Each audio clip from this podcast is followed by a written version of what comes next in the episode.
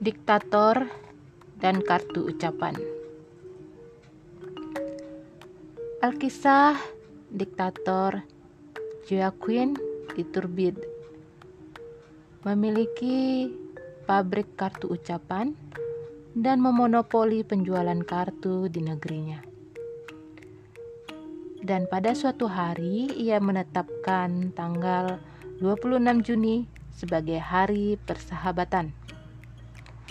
Dan kartu-kartu yang dibuat untuk hari itu laris bukan main di tengah masyarakat. Membuahkan laba yang spektakuler bagi bisnisnya. Sang diktator pun memutuskan 14 Agustus sebagai hari cemburu yang juga sama suksesnya. Dan sesuai hukum kelembabannya sendiri, bahwa dinamika sukses akan menelurkan sukses berikutnya. Kurang dari lima tahun, setiap hari dalam setahun sudah dinamai. Ada hari kepahitan, dan hari pacar selingkuh, dan hari kakek buyut, dan hari suami penyayang yang sebenarnya benci, dan hari pemuja onan, dan hari mereka yang meniduri pembantu, dan hari para pembaca Marquis de Sade, dan hari mereka yang memimpikan Centaurus. Agar ada tempat buat peringatan-peringatan baru, sang diktator membagi-bagi hari ke dalam sejumlah bagian. Tanggal 3 Januari petang dicanangkan sebagai momen bagi mereka yang doyan bercinta di bioskop remang-remang. Dan 16 Oktober subuh sebagai momen bagi mereka yang tidak mau membunuh lalat sekalipun.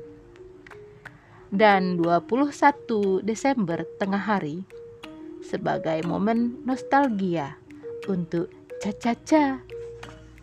Begitu seterusnya. Di titik ini, sang diktator telah mendulang lebih banyak uang dari berjualan kartu ketimbang dari menggarong kas negara. Tapi ia belum mau melepaskan kekuasaannya. Dia ingin membawanya mati, laiknya patriarki sepuh yang mulia sebagaimana adanya. Maka tatkala ajal tiba, ia sudah tua bukan main.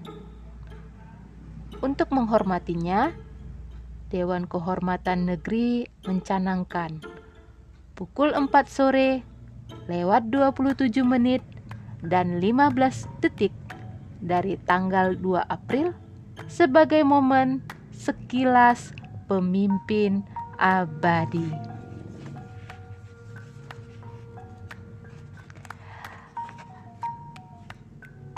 Diktator dan Kartu Ucapan karya Edmundo Pasolden dari Bolivia dalam buku Matinya Burung-Burung disusun dan diterjemahkan oleh Roni Agustinus, penerbit Moka Media. thank you